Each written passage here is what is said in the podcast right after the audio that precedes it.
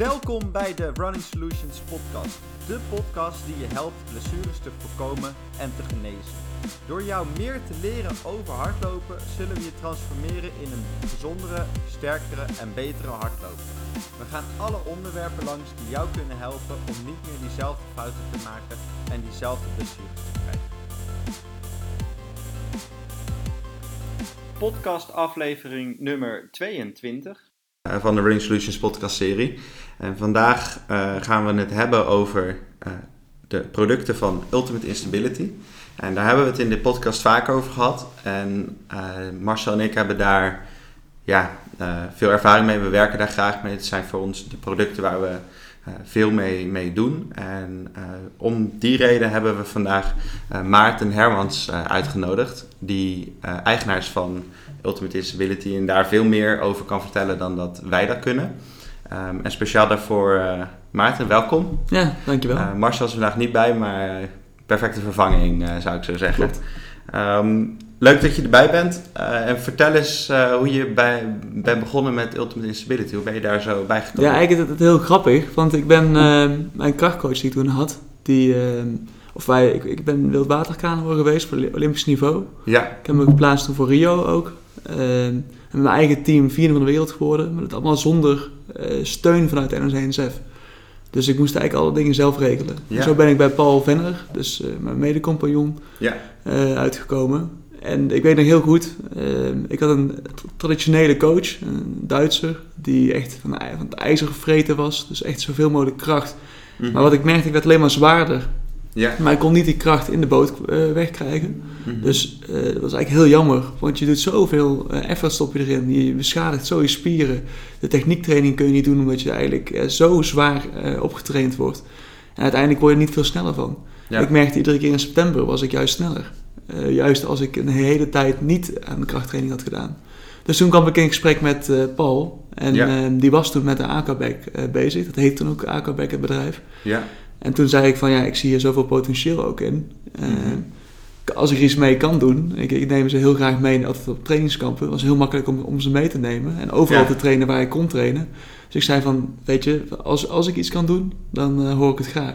Ja. En net na Rio, toen uh, ben ik bij Ultimate Disability erin gestapt.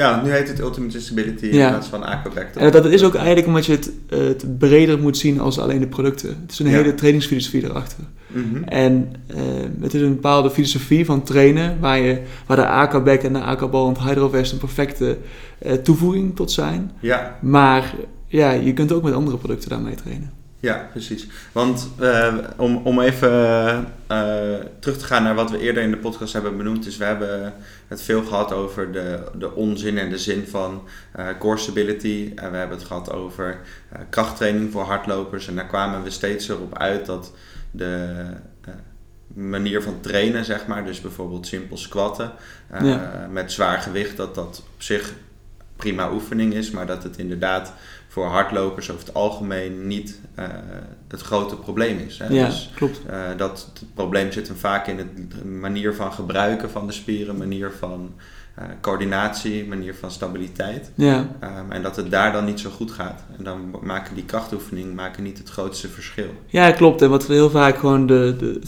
het probleem is eigenlijk dat mensen denken dat, dat als je uh, zeg de hamstrings maar sterker maakt, dat het lichaam, of dat je dan sneller kunt rennen of hoger kunt springen. Ja. Maar dat is veel complexer. En eigenlijk zo complex dat wij dat eigenlijk, als je dat gaat proberen, te uh, iedere spier apart gaat trainen, dat lukt je niet op die manier. Om echt die, die, vooruitgang te boeken. Ja. En waarom gebruiken we dan niet gewoon ja, verstoring om juist het lichaam met co-contractie juist te stimuleren en juist die kracht te bundelen?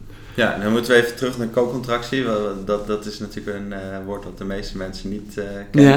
Dat is het aanspannen van allemaal verschillende spieren tegenover elkaar. Dus, Klopt, ja. Uh, ja. Dat, dat, dat, dat zorgt voor stabiliteit ja. en balans, hè? Klopt. En wat, wat zeker als je dus kijkt ook naar kano... Um, heel veel, ja, schouder, de schouders worden zwaar belast. We gaan gewoon van het watervallen af. bij wedstrijden komt, komt er heel veel druk op die schouders te staan.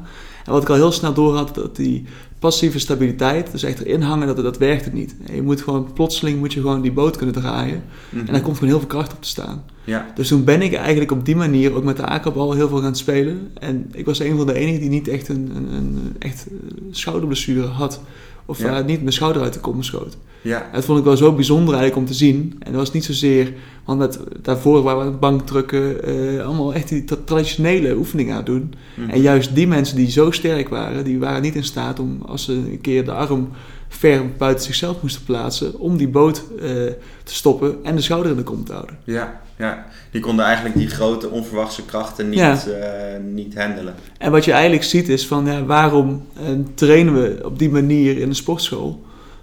Als eigenlijk het hedendaagse leven of juist de sport ook juist totaal anders is. Dus dat ja. eigenlijk reageren op. Ja. En wat ik ook al heel snel merkte is, de, de spieren kun je gewoon goed belasten als je ook goed rust pakt. Uh, maar wat je heel vaak ziet, zeker wat een beetje ook het, misschien het ego wat ertussen zit, is dat bankdrukken, squatten, ja, hoeveel kun jij? Ja. Maar daar gaat het niet om. Nee, nee. Wil je echt functioneel en veel sneller worden als sporter, dan moet je dat eigenlijk achter je laten. Ja. En die stap, dus toen ik uiteindelijk tegen mijn coach zei van... Uh, ik ga voor de AK-producten, dus ik ga echt met, met, op een andere manier trainen. Mm -hmm. toen, toen lag het zo op het begin uit. Maar ik moest wel iedere keer nog een, een, maximale test, een maximale krachttest doen... om te laten zien dat ik vooruitgang boekte. Ja. En het bijzondere was dat die maximale uh, kracht niet naar beneden ging. Ja. En misschien zelfs een beetje omhoog kwam. Dat ik minder okay. last van blessures had, ik had minder last van mijn rug. En eigenlijk toen ik op die manier ben gaan trainen met Paul zijn daarin de blessures ook weggegaan. Ja, dan had je ineens weinig tot geen blessures ja, klopt. Eh, ten opzichte van... Ja, kijk, je bent nog steeds gewoon echt continu je lichaam gewoon maximaal aan het uitputten. Ja. Uh, ook om vooruitgang te boeken, ook om gewoon beter te kunnen presteren. Maar ik merkte gewoon, het was niet zozeer je lichaam kapot maken, maar het is de juiste triggers aan je lichaam ja. uh, geven. En hoe zou je die, die krachtoutput verklaren? Want de kracht die je dan uh, meet, de maximale kracht, die bleef gelijk of zelfs iets beter. Ja, klopt. Uh, hoe, hoe zou je dat verklaren? Ja, kijk, wat ik, wat ik zelf altijd merkte, ik had heel veel pijntjes. Ja. Ehm, schouders, rug. En het was ook meer dat die, die pijntjes zorgden er ook voor dat ik niet maximaal kon presteren. Misschien was ik wel... Ehm, als je naar de spier zou kijken, effectief naar de, de spier op zich, was ik sterker. Maar als ik zoveel pijntjes of dat soort dingen er rondomheen had, was ik niet in staat om ook die kracht goed door te vertalen. En wat heel belangrijk in de kano is, is dat jouw lichaamsgewicht en jouw kracht, daar wordt naar gekeken. Dus het is een bepaald sommetje. Ja. En als ik veel kracht had, was ik ook zwaarder. Mm -hmm. Maar als je dus gaat kijken naar um, toen ik ging trainen, eigenlijk op de Ultimate Instability manier, is dat mijn gewicht ging naar beneden, maar mijn kracht werd dus, uh, bleef hetzelfde. Ja. Dus dat was echt een, een bizarre uitkomst. En waarmee ik ook uiteindelijk met mijn eigen team, dus een keer vierde van de wereld geworden ben, met echt een klein team, ja. zonder ondersteuning. En waar die andere teams, uh, of, of die sporters, gewoon een ton per jaar te besteden hadden, ja. had ik maar misschien 20 of 30.000 euro. En daar moest ik gewoon slim mee omgaan. Ja. Ja, en, dus dan uh, ga je eigenlijk heel effectief trainen eigenlijk. Ja, eigenlijk slim trainen en niet zozeer... Uh, en ook alles in twijfel trekken. Ja. Dus van, uh, vroeger is er op deze manier getraind, maar werkt dat voor mij? Ja, ja. En de, zeg maar de manier van trainen met de aquaback zorgt dat er... dat je, je ratio lichaamsgewicht ten opzichte van kracht, die, neemt, die verandert. Hè? Ja, klopt. meer kracht op ja per kilo lichaamsgewicht, waardoor je dus meer output krijgt. Ja. Um, wat, je, wat je ook ziet is, je, wat, je, wat ik je hoor zeggen is eigenlijk, um, ik kon meer trainen, vaker trainen. Klopt. Uh, dan daarvoor. Ja, dus de, de, de, belangrijke trainingen, eigenlijk de wildwatertrainingen, die, waar we het eigenlijk allemaal voor deden. Dus je traint, ja, ik ben in een, land geboren zonder wildwater. Dus als ik in het buitenland was, moest ik die uren heel effectief benutten. Ja. En dan wilde ik niet dat ik daar nog in de middag nog een krachttraining tussen ging doen. En in de, de avond eigenlijk niet meer een goede training kon uh, ja. neerzetten. En ja, dat was voor mij juist het belangrijkste. Dus ik wilde juist dan gewoon eigenlijk mijn lichaam weten te triggeren. Dat de juiste gebieden eigenlijk uh, ook gewoon een, een tik kregen. Ja. En juist geactiveerd werden. Maar niet dat, dat ze uh, vermoeid werden of belast werden. Want ja. dat was eigenlijk, ja, ik was daar om die wildwateruren te maken. En niet om sterker te worden. Ja. Maar dan heb je het dus ook over je continuïteit in training. Die, ja, klopt. Op zo'n moment zit heel hoog, hè, de, ja. de belasting. Maar de continuïteit, omdat je dan niet die pijntjes krijgt, is hoger. Waardoor je dus effectief beter atleet wordt. Ja, klopt. Ja. En, en ja, kijk, um, ik, wat, wat ik vaak zie nu, is als mensen met de AK-producten trainen. En daarom vind ik het ook al mooi, Ultimate Instability. Is dat mensen de eerste keer dat ze ermee beginnen, willen ze alleen het product gebruiken. Ja. Um, maar dan begrijp je de, niet de volledige filosofie nog.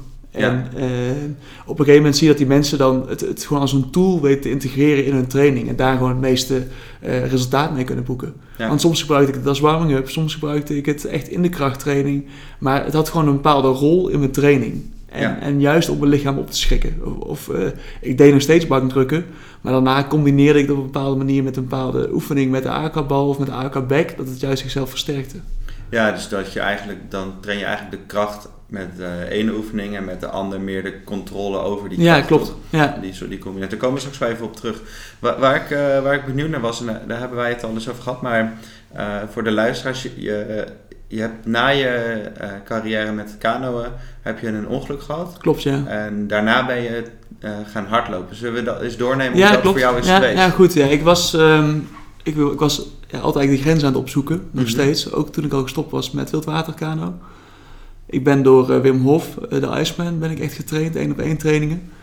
Um, ja, en, en dan merkte ik al, ook weer, ademhaling is ook zoiets belangrijks. Hoe ja. je ook weer je lichaam kunt triggeren. Of juist als je heel vermoeid bent, dat je ervoor kunt zorgen dat je eigenlijk weer je lichaam op een andere manier een trigger geeft, waardoor het eigenlijk weer tot rust kan komen. Ja.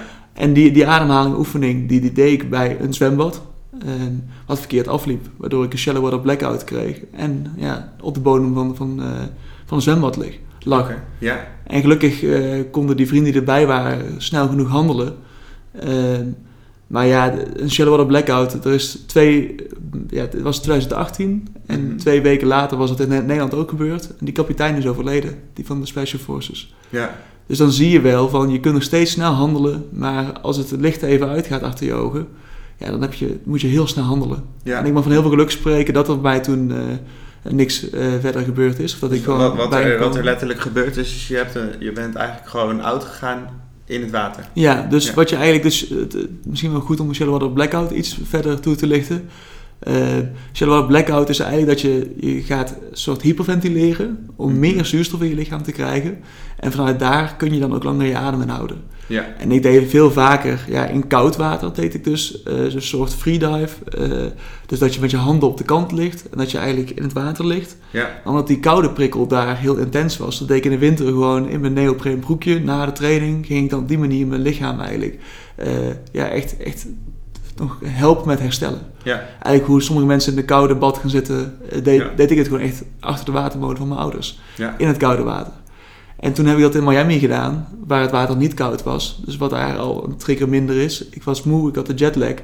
Ja. Ja, en toen uh, kon mijn lichaam daar niet op reageren en bleef die ademhaling uit. En wat gebeurt er met shallow water blackout? Op een gegeven moment uh, raak je bewusteloos, maar je lichaam wil wel ademhappen. Dus dan zuig je jezelf helemaal vol eigenlijk met water. Ja, uh, dus ja. je ademt eigenlijk onder water. Mhm. En dan krijg je heel snel een reflex dat je lichaam dus eigenlijk uitgaat Ja. om zichzelf te beschermen. Mhm. Ja, en dan uh, heb je echt maar heel korte tijd om iemand te redden. Ja. En toen ben je uit het water gehaald en... uh, Ben ik uit het water gehaald, gereanimeerd. Ja. En toen had ik zelf niet direct door wat er eigenlijk allemaal gaande was. Want ik dacht van, ik ben in het water gaan liggen en ben weer heel snel eruit gekomen. Maar het heeft allemaal net iets langer geduurd dan ik toen ook dacht. Ja. Dus toen ging ik naar het ziekenhuis, toen moest ik naar de intensive care. Toen dacht ik van, wat is dit voor onzin? Uh, ik heb even mijn ogen dicht gedaan en ben weer boven gekomen. En, maar toen bleek dat achteraf toch allemaal serieuzer te zijn. Mhm. En zeker als je, ja, na, na twee minuten kan het al gewoon eh, dood, echt, ja, dan is het eigenlijk al dodelijk. En dan beginnen de hersenen, of hersencellen af te sterven. Ja. Um, en dat, dat had ik niet direct door, want ik werd eigenlijk gelijk op een uh, uh, bed gelegd, uh, naar binnen gereden. Uiteindelijk heb ik toen helemaal niet meer gelopen. Ja. Maar toen ik weer een fit-to-fly verklaring moest krijgen om weer terug naar Nederland te kun- kunnen komen, Ja. merkte ik dat het niet alleen mijn longen waren waar ik die ontsteking had, maar merkte ik dat mijn, mijn linkerkant gewoon wat minder goed functioneerde. Ja, want wat, wat er dan, dan ben je een aantal minuten oud ja, geweest. een aantal minuten inderdaad. Ja. En dan, uh, dan moet je, dan, om weer terug naar Nederland te komen, moet je dan uh, zo'n uh, verklaring hebben. Ja, kijk, om, om met in het vliegtuig te mogen vliegen, zeker omdat die druk daar anders is. En zeker Ja. omdat je dan ook qua longen, en ze weten niet precies wat daar gebeurd is. Ja, En zeker een shallow blackout is heel onbekend. Dus de mensen gaan nog steeds vanuit dat je hartfalen hebt, dat je eh, longfalen of wat dan ook, dat er iets mis is in je lichaam. En we hadden eigenlijk al best wel snel door van dit het is een shallow water blackout geweest. Dus ehm, ja, daar, daarin wisten we ook wat we konden doen en, en, en hoe ik zo snel mogelijk, mogelijk terug kon komen. ja, Ehm, maar ja, dan, dan, dan is dat, ja, voor, het, voor, voor het vliegen is dat dan wel tricky. ja, en je had dus ook een longontsteking. Ja, eh, klopt. opgelopen. Dus toen, toen ze, ze kijken dan naar, dan zeggen ze van ja, als jouw zuurstofgraad in jouw bloed zo hoog blijft, als je ook gewoon loopt, dan mag jij vliegen. Ja, maar toen kwam ik er dus achter dat niet mijn longen het probleem waren, maar vooral ook het, het lopen, het coördinatief gewoon aansturen van mijn benen. Als ik, kon je niet meer lopen? Ja, ik, ik, kon wel lopen, maar ik moest er heel erg de focus op leggen. Zelfs dat ik niet zou nadenken om een been op te tillen, dan gebeurde dat ook gewoon niet. Ja, oké. ja. Dus je hebt eigenlijk coördinatieverlies uh, ja, klopt. Uh, gehad. Ja. En daarna ben je dan terug naar Nederland gekomen. En klopt. dan kom je eigenlijk in een soort revalidatiesetting terecht, denk Ja, eigenlijk helemaal niet. Omdat je, ja, je komt terug en ze, ze zien, je, zien je normaal functioneren. Je, je praat normaal, je, je loopt normaal, je doet normaal. Maar ik merkte wel dat het been nog steeds soms, als ik moe werd, een beetje begon te slepen. Ja. Dus ik heb toen heel, ook met Paul uh, gesproken van ja, wat, wat zou je hier voor oefeningen voor kunnen doen? Want ik wist wel van dat je echt een half jaar de tijd hebt bij zoiets om het echt zo goed mogelijk weer op te trainen. Ja. Want als je na dat half jaar gaat uh, optrainen, is het een stuk lastiger. Ja. Je hebt daar veel meer tijd overheen. Hm. Dus toen dacht ik van ja, ehm, dan ga ik het gewoon optrainen.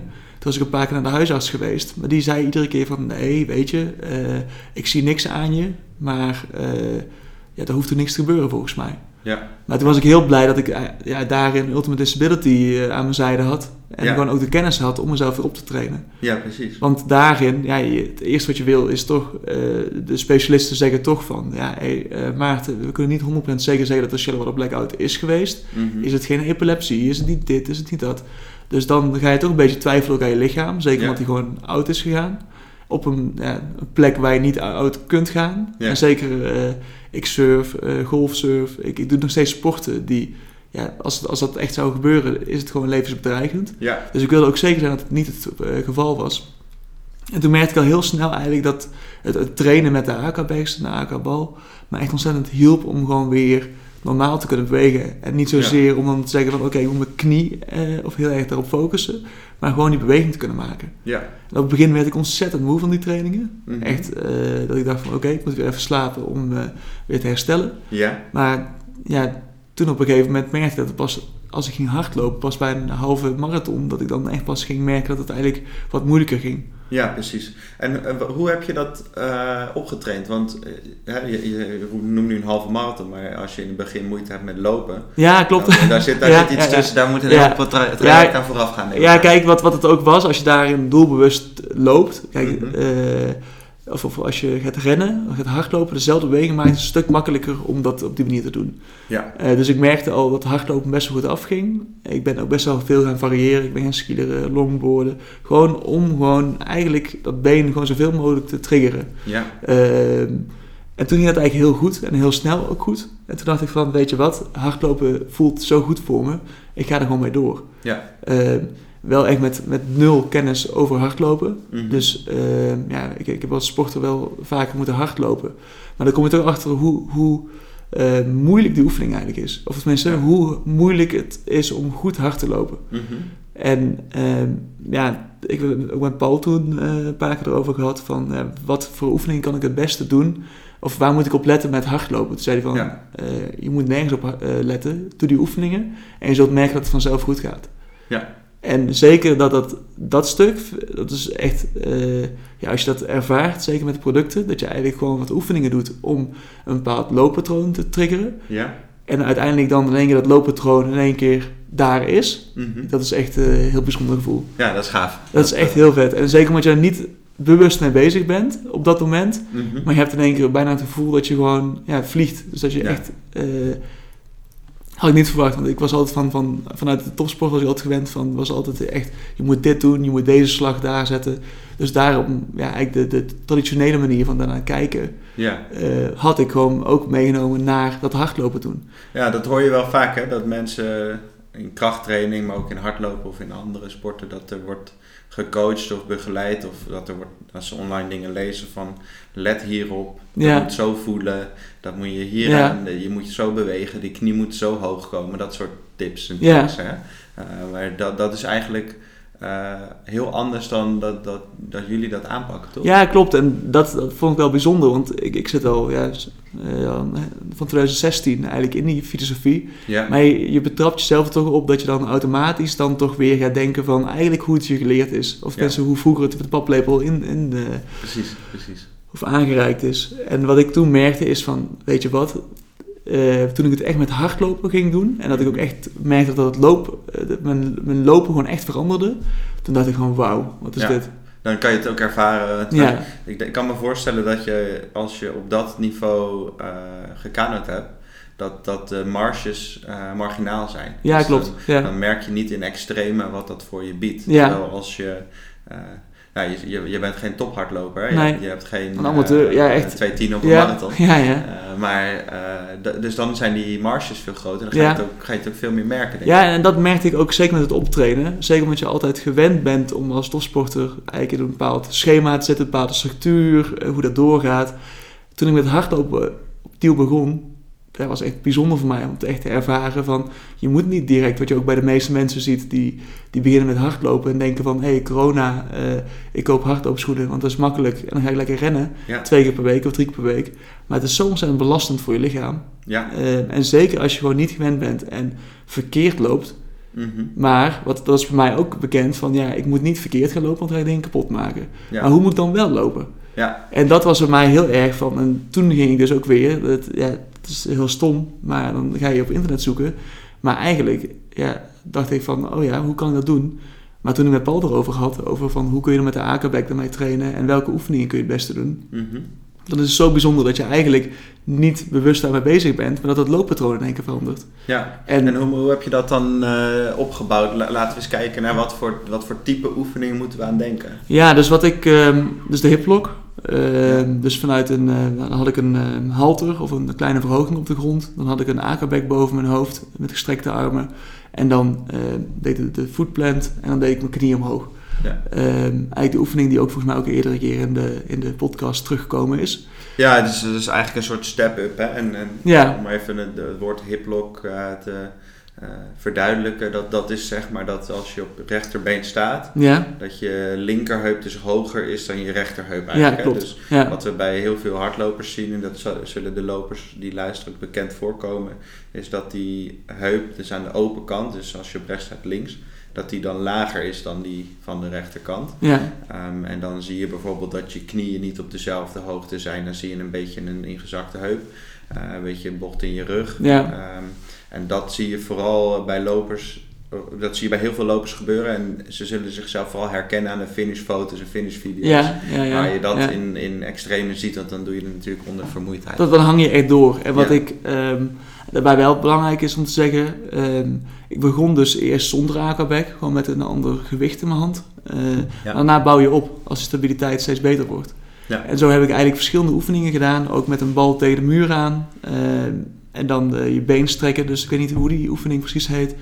Maar dat, dat werkt voor mij zo ontzettend goed ook. Ja, zo'n triple extension. Ja, triple extension, ja. ja. ja. En wat ik toen echt vooral merkte is... Um, ik ben toen eigenlijk gaan optrainen voor Kamp van Koningsbrugge. Mm Mhm. -hmm. En dan moest ik met, met gewicht lopen. Ja. En toen zag ik heel erg duidelijk dat als er als ik extra gewicht is... dan moet je 20 kilo basisbepakking. Dus vanuit uh, Special ja. Forces moet je ook op bepaalde tijd kunnen rennen. En dan merkte dat ik heel snel doorging. Ja. Um, omdat de stabiliteit niet sterk genoeg was. En wat je dan kunt doen, is je begint gewoon heel laag met, een, met stabiliteit. Is stabiliteit er? Oké, okay, dan ga je naar de volgende oefening. Ja. Dus je gaat steeds eigenlijk het, het optreden dat stabiliteit steeds beter wordt. Um, en uiteindelijk merk je dan ja, dat, dat, dat, je gewoon stabiel bent. Dat je gewoon kunt blijven lopen op die manier zonder dat je echt inzakt. Dus dan is eigenlijk het doel van alle oefeningen die je doet, opbouwend dan wel, maar dat ja. is dan met het doel om uh, volledige rompstrekking en uh, die ja. eigenlijk Ja, klopt. Te, en wat, ja, wat ik dus deed ook op een gegeven moment, omdat ik merkte toch die 20 uh, kilo basisbepakking was eigenlijk wat te heftig. Ja. En zeker omdat het is zo belastend. En dan merkte ik echt na, na een kilometer al dat ik echt door ging hangen. Ja. En dan heeft het ook geen zin om door te trainen, want dan maak je echt dingen stuk. Dan ja. ga je echt dingen kapot lopen. Dus wat ik deed, is, is het hydrovest om. En in plaats van 20 uh, kilo, deed ik dus 5 liter water erin. Mm -hmm. En dan word je continu zo verstoord, waardoor je dus zo getriggerd wordt om uh, ja. gewoon goed te lopen. Dan moeten we even uitleggen wat een hydrovest is. Hè? Wat, ja, uh, ja, klopt. Een, een hydrovest is eigenlijk de aquaback, maar dan in je nek. Met een vest gemonteerd aan je, aan je romp. Ja, en de aquaback is, is eigenlijk een vergelijkbaar... Uh, iets met zo'n zandzak, hè, waar veel ja, mensen klopt. mee trainen in de sportschool. Die, die ronde, buizenvormige zakken ja. met zand erin. Alleen dan kan je dat vullen met water. Klopt. En water ja. beweegt en dat zorgt voor ja. instabiliteit. En wat daar vooral belangrijk in is, is dat het niet zozeer ook het water is, maar het is ook vooral de lucht. Dus hoe vrijer het water kan bewegen, Ehm, hoe meer je daar ook gaat uh, merken dat het gewoon een, een bijzonder, ja. uh, bijzondere trainingstool is. Ja, wat, je, wat je als luisteraar nu moet voorstellen is dat in zo'n zak dan, dan doe je bijvoorbeeld 5 liter in, waar er misschien wel 25 liter in kan. Ja. En dan beweegt dat uh, water natuurlijk. Klopt. Ja. Dat is uiteindelijk het doel. Ja. Maar als je dan gaat rennen met zo'n, met zo'n vest, waar zo'n waterzak dus eigenlijk op je rug mee beweegt dan uh, word je constant tijdens lopen in extreme verstoord. Ja, klopt. En ik, ik merkte ook echt de eerste keer dat ik dat deed, was ik zo kapot. Ja. Ehm, gewoon puur gewoon het normaal rennen mm -hmm. is soms lastig. Ehm, maar dan deed, deed, ik dat ook niet gewoon 10 kilometer achter elkaar. Maar dan deed ik dat wel, ehm, zeg, een, een, een, kilometer na even wat rust. En eigenlijk met interval.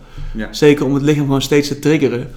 En wat het daar toen echt heel bijzonder was, is dat ik dat... ja, ik moest me heel snel optreden. Want uh, er werd pas heel laat eigenlijk uh, werd gezegd van... oké, je bent door, nu kun je gaan trainen. Ja. Maar het probleem was dat we maar eigenlijk twee maanden hadden om je op te trainen naar dat niveau. Ja. En ik was nog verre van dat niveau. Mm. Ik, ik, ik liep hard, ik had runkeeper, ik daagde een vriend uit. En dat was eigenlijk de manier hoe ik hard liep. Ja. En dan eigenlijk vooral de, de, kortere stukken waar ik gewoon vanuit de topsport eigenlijk nog steeds gewoon heel snel en gewoon goede conditie had. Ja, precies. Maar ik merkte wel van, uh, ja, dit is gewoon een hele andere koek. Ja, uh, lekker uit je comfortzone. Ja, echt heel ver buiten mijn comfortzone. Maar toen op een gegeven moment moest ik dus, binnen twee maanden, moest ik al een halve marathon kunnen rennen. Ja. Eigenlijk bijna met hetzelfde tempo, maar dan met uh, 20 kilo basisbepakking. Zo, ja. En toen ik dat ook had gehaald, toen dacht ik echt van wauw, het was me nooit gelukt als ik op de traditionele manier was blijven trainen. Precies, ja. Ja. ja hoe, uh, uh, hoe ziet dat eruit? Want la laten we echt even wat meer uh, ingaan op uh, hoe die manier van trainen werkt. Ja. Dus de, we hadden het net al over die hiplock. Hè, en je wil dus die rompstrekking. dat, dat zijn echt wel belangrijke doelen ja. voor hardlopers. Um, traditioneel gezien zeggen, of zie je vaak dat trainers uh, trainen op het, op het stukje uh, probeer dit te voelen of yeah. probeer daarop te letten. Dus als je een oefening doet van, uh, dan krijg je bijvoorbeeld, hou je rug recht als je yeah, bijvoorbeeld yeah. gaat squatten of zo.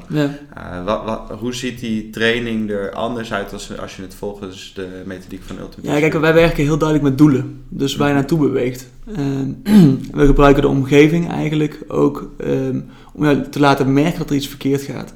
Ja. Dus zeg um, dat je je knie, um, dat wij zien dat je knie naar buiten zakt, dan gaan we niet zeggen van jouw knie uh, wijkt af naar buiten. Maar dan plaatsen we daar een step-up box langs, waardoor je als je daar naar buiten gaat, dat je hem aantikt. Ja. Dus bewust bent dat je beweging dus eigenlijk verkeerd uitvoert. Of een mhm. niet, niet de gewenste bewegingsuitslag krijgt. Dan doen we ook meestal werken we naar een doel toe. Dus je, je uh, of het uitstrekken naar, als iemand zijn hand uitstrekt, dat je echt volledige uh, het strekken krijgt. Ja. Want je zult zien als iemand dat niet dat, dat doel hoeft te raken, dan dat hij dan toch veel minder zich uitstrekt. Of ja. toch veel minder uh, die beweging goed. En, en, eigenlijk zijn het ja, de, de constrained led approach, hebben we het dan over. Dus en, ja, de bewegingsuitslag wil je dan op een bepaalde manier krijgen. Ja. Maar als daar, ja, je hebt superveel variabelen. Maar als die allemaal beschikbaar zijn, dan blijft die persoon nog steeds eigenlijk op die manier bewegen. Ja. Maar de vraag is, is dat de meest effectieve beweging die je kunt, uh, of de, de, efficiënte en effectieve beweging? En meestal is, is het antwoord nee. Ja. Uh, hetzelfde ja, toen ik dus zo aan het optrainen was, ik liep niet op de juiste manier. Maar als ik dus met de AK-producten eigenlijk als warming-up die, die oefeningen deed, dan merkte ik in één keer dat ik gewoon op de juiste manier liep. Ja, dus door te activeren vooraf. Uh, activeren inderdaad, ja. Wat, je, wat je net zegt van uh, je, je werkt met een doelbeweging, een doelgerichte beweging. Je werkt met externe cues om te zorgen dat het intern goed gaat. Hè? Ja. Um, hoezo werkt dat? En, en hoe bedoel je? Hoezo werkt dat? Nou, je, dat is natuurlijk anders dan dat je zegt van... hé, hey, ja, je ja. naar buiten, hou hem even naar binnen. Ja. Uh, dat, dat is een manier van, van feedback geven aan, de sporter. Maar uh, waarom zou je dat op deze manier doen en niet uh, door te, te Ja, wat, wat je toch ziet is dat het lichaam zo ontzettend complex is. Mm -hmm. En waar we het ook eerder al over hadden, dat je niet kunt zeggen van... oké, als we dus de, de hamstrings trainen sterker maken, dan ga je ook harder rennen. Ja. Daarin is het zo ontzettend complex. En daarin kun je met een verstoring van buitenaf kun je het lichaam, triggeren om uh, een bepaald ja, bewegingsuitslag uh, te, komen. Of een bepaald bewegingsresultaat of een uh, prikkel om, om een bepaald resultaat te behalen. En wat je eigenlijk heel duidelijk ziet als je dat dus... Ik, ik zie ook heel vaak terug dat mensen eigenlijk niet bewust zijn waar die knie moet zitten. Of, of waar van oké, hoeveel hoger moet ik hem doen? Of eh, dan voelt het heel onnatuurlijk. Maar als je die persoon eh, dus eigenlijk met verstoring uh, en, en met een hele duidelijke taak laat merken, op een gegeven moment zie je dat het bewegingspatroon gewoon in zit. Dus gewoon echt, soms noemen we het ook een learning tool. Dus het is niet zozeer, we kunnen echt bij sommige mensen, uh, zie je dat ze uh, jarenlang een oefening verkeerd hebben gedaan. Uh, je kunt het iedere keer vertellen, maar ze blijven het verkeerd doen. Je geeft ze de aquaback en je, je zorgt er dus voor dat die omgeving dus zo gecreëerd is dat hij heel duidelijk merkt als het verkeerd is. Je laat je een paar keer die oefening doen, dat bouw je best snel op. Je gaat kijken naar die stabiliteit. En dan zie je in één keer dat die, in één keer die switch komt van beweging. Ja. En eigenlijk wat ik ook zei met dat lopen, dat je ook in één keer merkt van hé, hey, nu heb ik het. Je zult wel merken dat je dat maar heel even vast kunt houden, omdat het patroon nog niet heel stabiel is. Ja, maar je kunt dat wel op gaan trainen. Ja. Wat, wat je eh, denk ik ook zou kunnen stellen is wat er, wat er in, in zekere zin gebeurt is als je uh, zegt van uh, hou die knie recht in plaats van dat hij naar buiten of naar binnen valt dat je een heel erg uh, dat een top-down approach krijgt. Ja, dus klopt. je, klopt ja. je gaat nadenken over hoe iets moet. Ja. Maar als je gaat hardlopen, dan gaat het allemaal zo snel, dan gaat er zo, gebeurt er zo ontzettend veel. Dan is het heel moeilijk om dat, dat nog vast te kunnen houden. Van nadenken en dan op die manier bewegen. Omdat die krachten te hoog zijn. Ja, klopt. Uh, dus wat, wat je dan in zekere zin creëert, is door te zeggen van bereik een bepaald doel. Uh, door uh, zo'n ding, uh, zo'n box naast, naast je knie te zetten, als je naar buiten gaat, dat je hem stoot. Ja. Of dat je ergens op moet stappen wat net te hoog is, zodat je wel hoog moet komen. Dan maak je bijvoorbeeld zo'n hiplock. Dat er dan gebeurt is dan eigenlijk in zekere zin dat je lichaam uh, het wel goed moet doen en dat gaat onthouden, toch? Dat ja, ja klopt. En wat, wat ik daar, een, een mooi voorbeeld, mijn uh, schoonmoeder, die heeft een auto-ongeluk gehad. Mm -hmm. En die, uh, denk ik, tien jaar geleden, benen verbrijzeld, maar die kan gewoon normaal lopen. Die, en die heeft eigenlijk helemaal niet door. En die had ehm, afgelopen tijd had ze best wel last van de rug. En toen zei ik van ja, ik kan wel eens een aquaback meenemen en dan kunnen we maar eens mee, mee trainen en kijken wat er gebeurt. En toen uh, was me pas toen duidelijk wat er eigenlijk verkeerd was. Haar knie zakte helemaal naar binnen als hij dus een beweging maakte. En dat had ze helemaal niet door. Dus ik zei van oké, en als je dan laat ervaren van oké, okay, uh, plaats je benen iets dichter bij elkaar, dan voel je dat als de knieën tegen elkaar gaan komen. En dan kun je dus daar met, met, met de oefening mee spelen. Dus ja. echt hele simpele, gewoon deadlifts of, of hele simpele oefeningen. Maar ze merkte heel snel wanneer het goed was en wanneer het fout was. En ik ging niet vertellen van hou die knie recht. Want dat heb ik op het begin, uh, ik zou dat ik niet naar binnen ging, maar ik dacht ook, ik ga het niet zeggen. Ik zeg alleen van, wat, wat is gewoon quick fix? Ja. En dan zie je in één keer hoe snel dat eigenlijk gewoon verbetert. Mm Gewoon, ja. Ja, dat, dat, is, dat is denk ik de manier om, om beweging te veranderen. Ja. Dat, en we, we riepen er straks al eventjes van, kracht is in 9 van de 10 gevallen dus ook niet een probleem. Dus uh, je, kan, je kan kracht kan je vrij makkelijk optrainen en binnen enkele weken heb je voldoende kracht als je beperkt zou zijn. Nee, maar dat hebben de meeste lopers eigenlijk niet. Ja. Als je een halve marathon kan rennen, dan kan het bijna niet zijn dat je echt slap bent, zeg maar. Dus uh, dan zit het veel meer in het coördinatieve patroon. En dan moet je dit soort dingen eigenlijk doen hè, om, ja, klopt. Uh, om, om, die doelen te bereiken. En ik denk dat daarin ook juist krachttraining dan ook juist, als je echt puur krachttraining, dat je juist ook het lichaam daarin kunt verstoren. Ja. Dus wat ik dus, uh, ik heb een rugblessure gehad met kano toen. Dat was gewoon puur omdat mijn rug zo uit proportie sterk geworden was. Dat die gewoon op een gegeven moment gewoon het begaf. Ja, uh, te veel druk op de staan. Te veel druk. Ja. En dat is ja, iets, iets zo stoms, want dan stop je al die uren, al die training effort in krachttraining. Ja. Maar het probleem wordt alleen maar groter. Exact, ja. ja. Hoe vaak uh, zou je uh, lopers dit aanraden om te doen? Ja, wat ik eigenlijk altijd doe, is dat ik, ik doe dat als warming-up voor het hardlopen, dus als mhm. trigger. Um, hoe lang moet ik daaraan denken? Dan doe die, die, die oefeningen misschien 10 minuten, 15 minuten. Dus echt die oefeningen een paar keer uitvoeren. Ehm, en, en meestal doe ik twee keer per week krachttrainen. Mm en dan doe ik die, de AK-back uh, combineer ik ook met andere oefeningen. Ja, dat is wel uh, dat is nog een, een mooi onderwerp om, om er mij, uh, even bij te betrekken. Uh, dus je kan het dus inzetten als warming-up, dat is dan duidelijk. Ja. Uh, een paar simpele oefeningetjes. Um, dan kom je bij uh, krachttraining en dan combineer je het eigenlijk met kracht. Hè? Ja, dus klopt. je kan de, bijvoorbeeld squats, deadlifts, split squats, dat, soort, dat soort oefeningen echt zwaar Step-ups, ja. ja. Um, dat is gewoon doodgewicht in zekere zin. Ja, ja. hoezo zou je dat gaan combineren met de producten van de... Ja, dat is juist dan waar we het ook eerder over hadden, die coördinatie.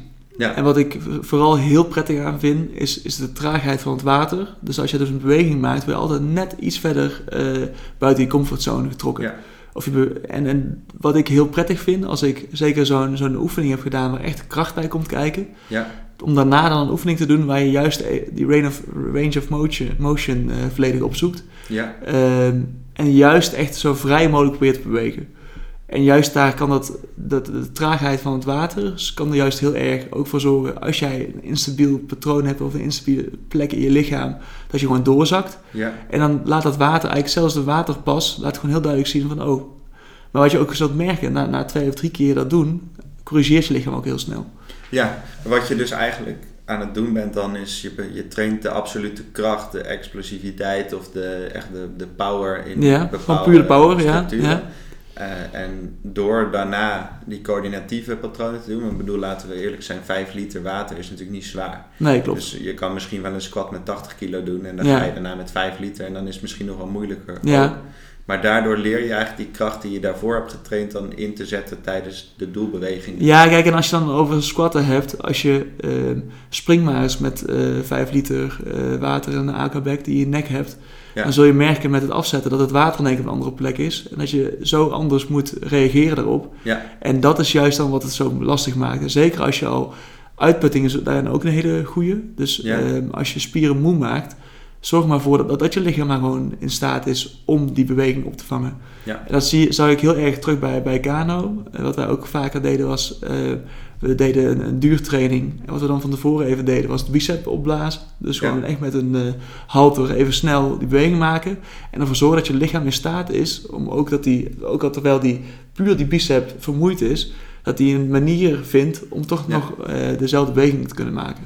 Ja, want met hardlopers is het ook super relevant natuurlijk als je gaat kijken naar die langere afstanden. Ja. Uh, of ook bij hoge snelheden natuurlijk. Maar de meeste luisteraars zullen uh, 10 tot, uh, 5 tot 10 kilometer of langer lopen. Hè? Dus dan, als je aan het einde van de marathon bent, ja, dan ben je gewoon uh, kapot. Dus dan moet je het nog steeds goed doen. Zeg ja. En kan je het nog steeds uh, En ik denk wat daar zo belangrijk is. Uh, ik ben dus nu aan het trainen voor de Mare Nostrum. Dat is een ultra eh, run van 100 kilometer kustlijn. En wat ik al heel snel merkte is, als ik gewoon maar een klein beetje afwijking of een verkeerde beweging maak op 100 kilometer, dat, dat, dat hou je niet vol. Nee. Dus je beweging moet gewoon echt heel goed zijn. Want als jij maar iets afwijkt of, of iets, een verkeerde beweging maakt, ja, dan ga je gewoon helemaal kapot. Ja, en dat is dat repetitieve van het lopen in zekere zin natuurlijk. Ja, Geen enkele stap is hetzelfde, maar toch wel een beetje. Ja. Uh, het, lijkt, het lijkt erg op elkaar, dus je belast dan ook erg eenzijdig. Hè? Ja, klopt. En, en, dat merk je zeker als je gewoon zeg 7, 8, 9 uur aan het lopen bent. Ja. Dan, ja, als je dan een afwijking hebt of iets wat niet sterk genoeg is, dan ga je het heel duidelijk merken. Ja, dus waarom ik uh, dat ook zo ben gaan optrainen, is dat ik ook echt merk als ik die oefeningen nu weglaat, dat ik niet in staat zou zijn om zo snel al 100 kilometer te kunnen rennen. Ja, ja. Ja, dus juist door, uh, door, door de manier van trainen, die, die looptechniek te trainen, dan uh, kan je makkelijker langer lopen. Ja, dat, uh... en, en daarin, ja, ik heb nooit looptraining gehad. ik, ik, ook, ja, daarin zie ik heel veel andere mensen ook op die manier trainen. Ja. Maar die dan heel snel door een blessure of toch door eenzijdige belasting of, of dan toch fouten maken. Kijk, waar ik nou die 100 kilometer aan het rennen ben, heb ik dezelfde pijntjes ook gehad toen ik met de 5 of 10 kilometer bezig was. Dat ik dacht van, hoe kan dit zo? Of kan die lopersknie? Of ja, precies. waarom, is dit zo heftig? Of waarom doet het zoveel pijn? En je zou eigenlijk denken dat het zo makkelijk moet gaan. Ja. Maar dat is helemaal niet. Nee, nee lopen is in, in die zin zeker een uh, redelijk uh, complexe sport. Ja. En we gaan even een luistervraag erin gooien, want uh, we, dat hebben we beloofd dat we vanaf deze aflevering luistervragen gaan doen. En ik kreeg een vraag opgestuurd van Remco. En Remco die vroeg um, hoe op basis van de, vorige, een van de vorige podcasts over belastingbelastbaarheid vroeg hij aan ons hoe ziet nou een rustweek eruit in een schema? Want we hebben het natuurlijk vaak over blessures en zo, maar hoe ziet dat er nou uit als je geen blessures hebt? Ja. En um, nou, wat we daarover zouden kunnen zeggen is dat je als je uh, kijkt naar een, een, training, dan heb je in een week heb je een rustmoment. Dus dat kan bijvoorbeeld zijn dat je als je zeven dagen per week sport, dat je dan één dag toch rust gaat pakken. Dat zien we in de topsport veel. Dat is voor de meeste lopers die luisteren natuurlijk iets anders. Als je drie, vier keer in de week traint, is het ook niet verstandig om elke week maar weer meer te doen. Dus als je gaat kijken naar hoe je dat dan zou kunnen insteken, is bijvoorbeeld elke vierde week uh, qua omvang bijvoorbeeld iets minder, of qua intensiteit ietsjes minder. Um, hoe, uh, dan is meteen een vraag aan jou daarbij. Hoe, hoe zie je dan jullie training daarin uh, voorkomen? Ja, wat, wat ik daarin merk, als je echt rust pakt na gewoon best wel zware, zeg een zware week of na een zware trainingsweek, dan zul je zien dat je ook op zo'n rustdag eigenlijk niet heel veel herstelt. Of dat je ook zegt, pak de rustweek en je begint daarna weer, dan denk je van nou, die, die pijn zit er nog steeds. Ja. En wat ik gewoon merk is juist dat je dan eigenlijk dus ehm, je traint, maar traint op een andere manier. Dus mhm. veel minder belastend. Ja. En daarbij zijn de AKBX juist ontzettend goed. Want we juist niet op die belastingen zitten, dus van echt de spieren belasten, maar juist even een trigger weer. Ja. Ehm, en zeker, dat is eigenlijk, ja, rust is roest. Ehm, ja. wel als je dus uh, volledig stil gaat zitten en niks doet. Ja. Uh, actieve herstel is daarin zo belangrijk. En ja, dat is, ben ik heel blij als topsporter dat het toen al duidelijk werd. Want ook als ik nu dus uh, wat rustiger aan doe, blijf ik ook gewoon sporten, blijf ik wandelen, blijf ik mijn lichaam gewoon gebruiken. Ja, op een manier waardoor het gewoon een stuk sneller herstelt. Ja, maar ook als je niet geblesseerd bent, hè, dat dus, we hebben het over, over, ook als je niet geblesseerd bent en je, je traint gewoon lekker goed, het gaat goed. Ja.